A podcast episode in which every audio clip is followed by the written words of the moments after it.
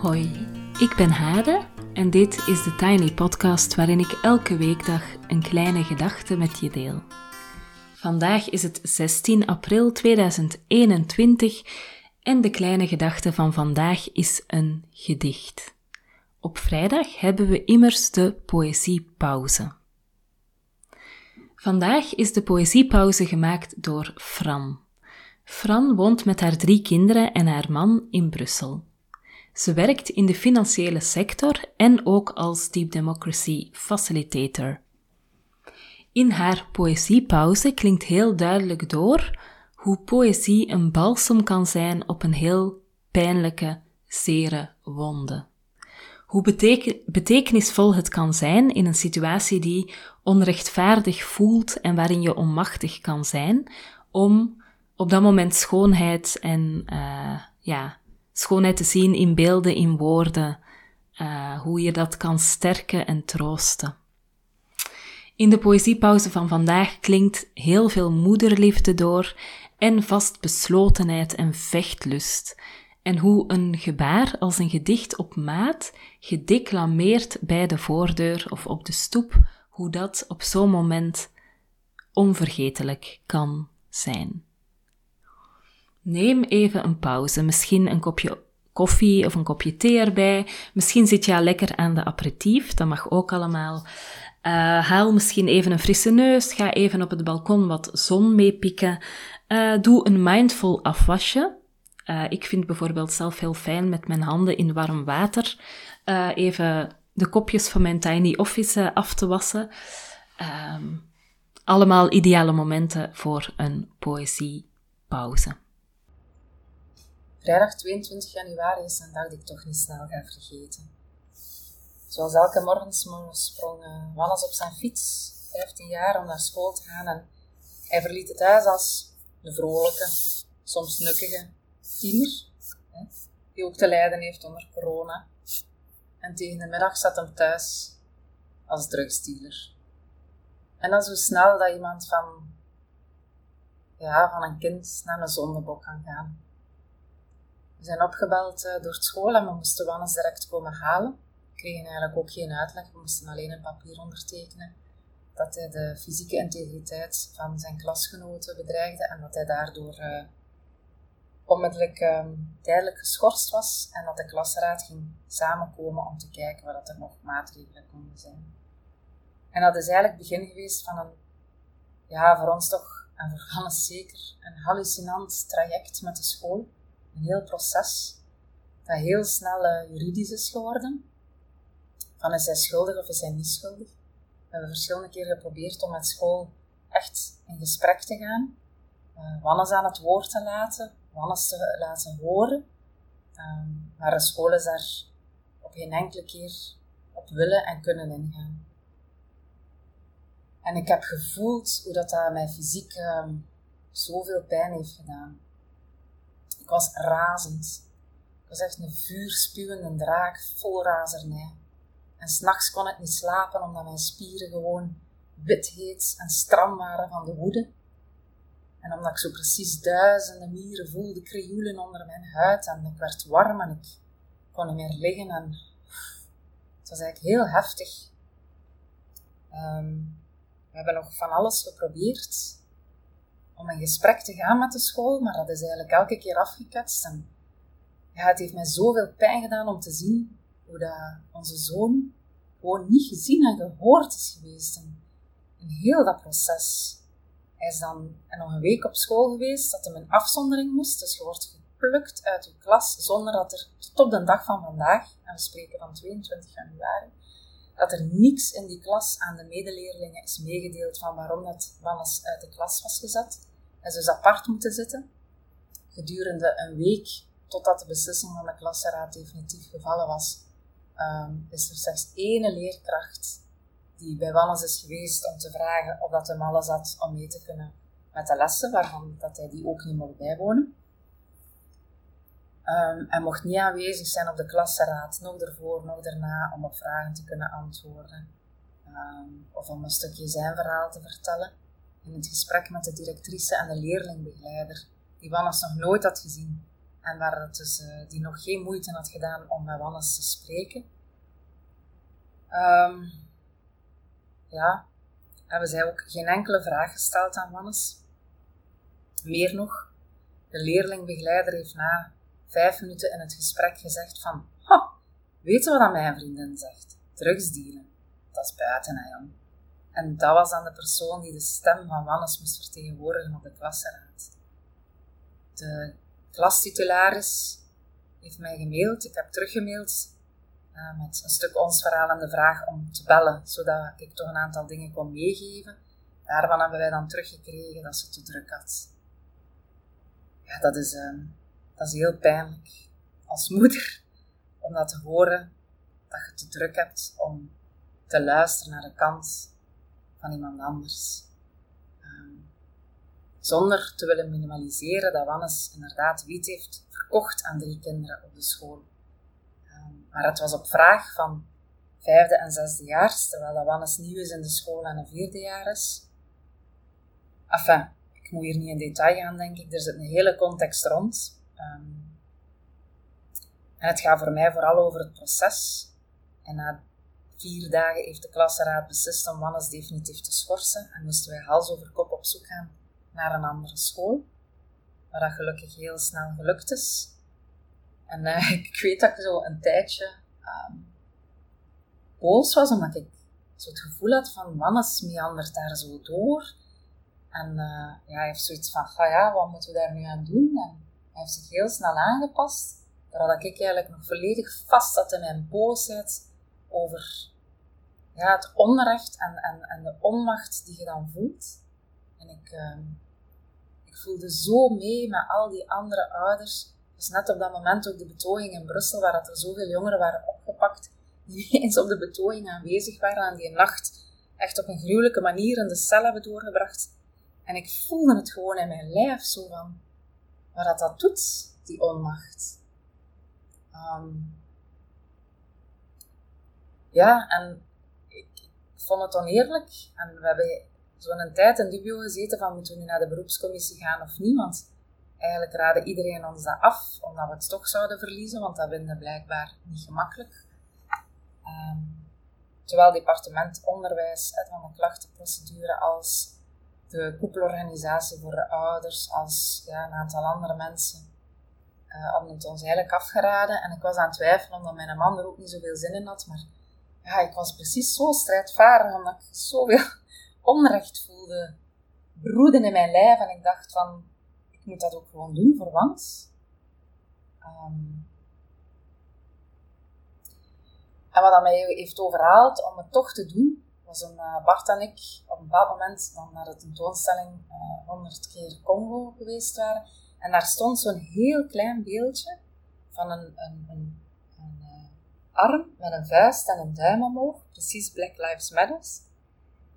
En dat was kei schoon, dat was misschien 4 centimeter groot, helemaal in ivoor, heel mooi uitgewerkt.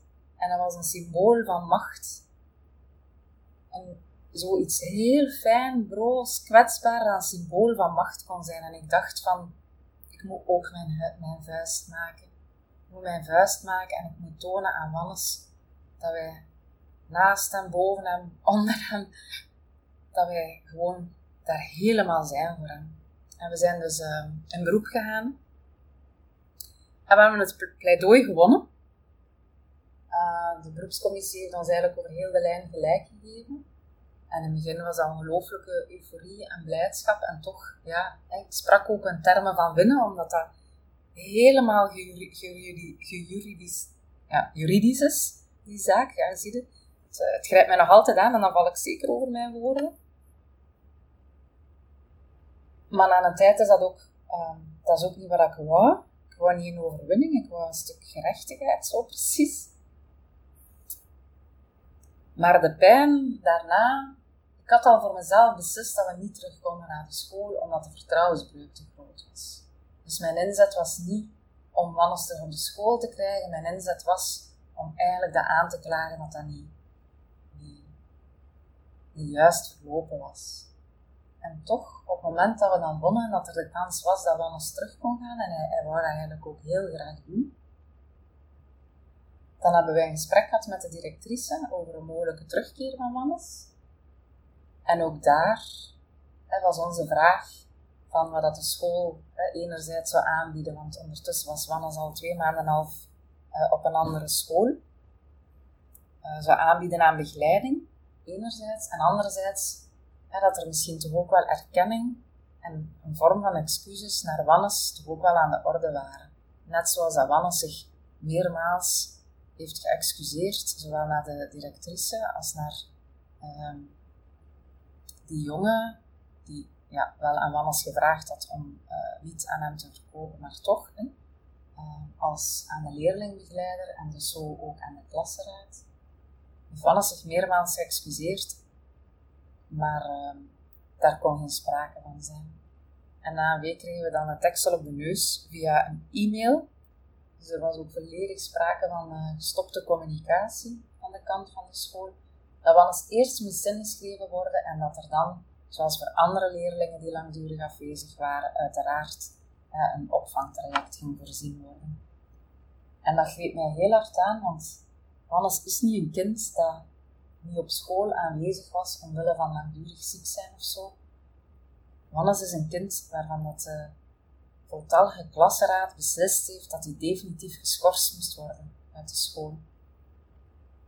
Dus dat is iets helemaal anders. En ook het feit dat ze dat niet konden erkennen, dat ze dat niet wilden zien, ja, dat deed voor mij eigenlijk echt de deur dicht. En er zaten dan nog wel wat dingetjes aan. En toch heeft het mij verrast dat ondanks dat feit, um, dat wel um, ja, heel veel vermoeidheid er toch was. En um, ja, verdriet ook. En hoe link ik dat nu aan poëzie? Want er klinkt wel heel veel, ja, misschien de emoties en zo. Maar omdat ik dat eigenlijk zo erg vond voor Wannes, en het was in februari juist de maand van de anonieme attentie van Citizen. En ik had dan uh, opgegeven, want er kwam dan een dichter aan huis een gedicht, een zelfgemaakt gedicht opdragen. En Wannes is een van de mensen geweest die uitgekozen is geweest en die dus een, uh, een uniek gedicht heeft gekregen van de dichter Jan Duchesne, die eigenlijk ook om onze hoek woont. Dus het is allemaal heel, heel grappig en dingen die helemaal samenlopen. Wannes wist het ook niet. En uh, Jan is dan uh, een gedicht aan de deur komen declameren voor Wannes.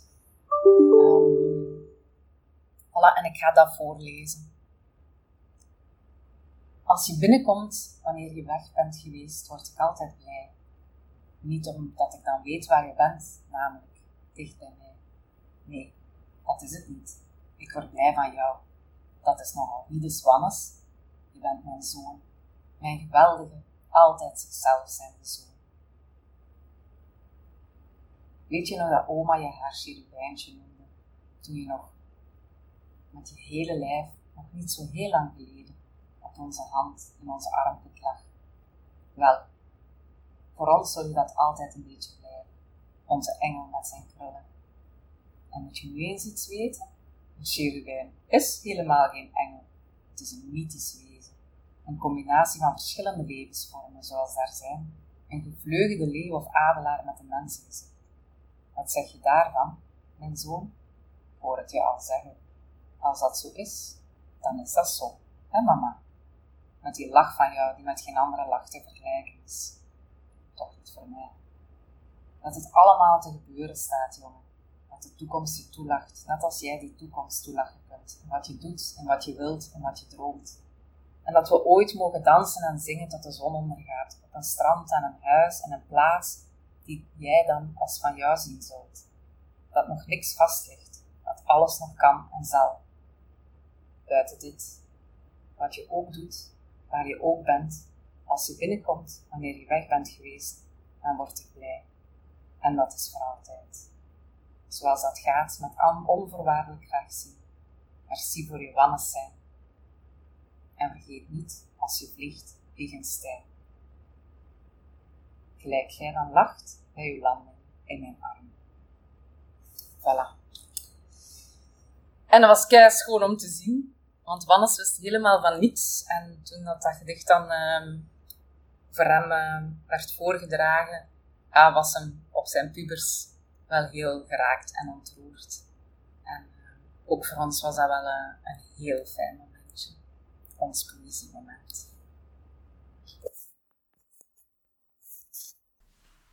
Zo, dankjewel Fran. En alle goeds voor jullie, en in het bijzonder voor Wannes.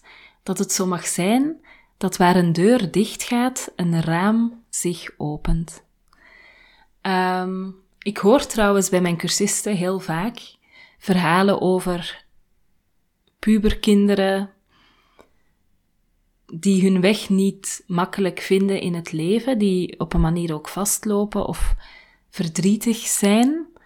Uh, ik vind het ook heel fijn dat die verhalen kunnen gedeeld worden uh, in de cirkels of in de cursussen die ik uh, geef. Uh, en ik denk dat ik daarom extra bijzonder vond dat Fran dit verhaal wou vertellen. Omdat ik denk dat we dit soort verhalen te vaak in ons eigen kringetje houden, dingen zelf proberen oplossen, um, ja, dingen, ja, gewoon zwijgen over dingen die moeilijk gaan.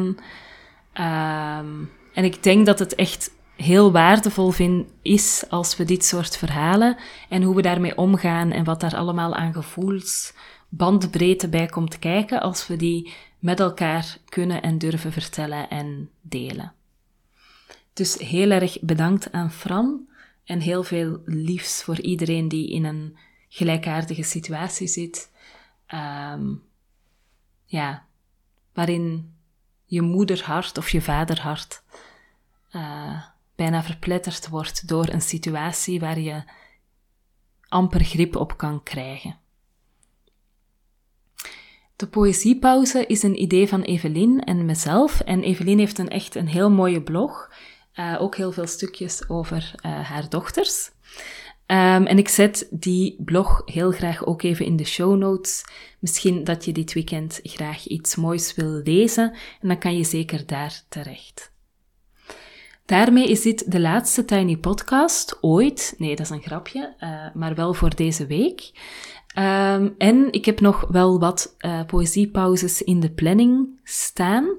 Maar je bent ook echt van harte welkom om er één te maken. Ik heb uh, instructies, zodat je goed weet wat de bedoeling is. Um, en als je mij even contacteert, stuur ik je de instructies en plannen we samen in wanneer jouw poëziepauze in de Tiny Podcast kan komen. En in het bijzonder ben ik ook echt nog op zoek naar spoken word. Ik vind dat zelf een super fascinerend genre. Um, en als jij iemand bent of kent die spoken word doet, uh, en jij of die persoon wil een, een uh, poëziepauze maken, neem dan alsjeblieft contact op. Um, in de show notes staat mijn e-mailadres, thetinypodcast.gmail.com. Tot zover voor vandaag. Je kan me volgen op Instagram, TheTinyPodcast. Als je je abonneert, dan zie je altijd, um, bijvoorbeeld via Spotify of Google Podcasts, zie je altijd de nieuwste aflevering in je overzicht. Hoef je alleen maar aan te klikken. Lekker makkelijk. Um, stuur deze podcast vooral even door aan andere mensen die misschien iets aan dit verhaal hebben. Uh, of van, van wie je denkt van het is goed als zij daar ook een keer naar luisteren. Uh, delen op social media mag zeker ook. En dat helpt allemaal om de podcast te laten groeien.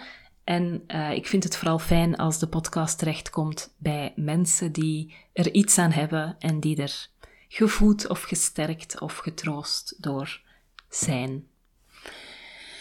Voilà, ik wens je een heel fijne dag en heel veel goeds en heel graag tot maandag.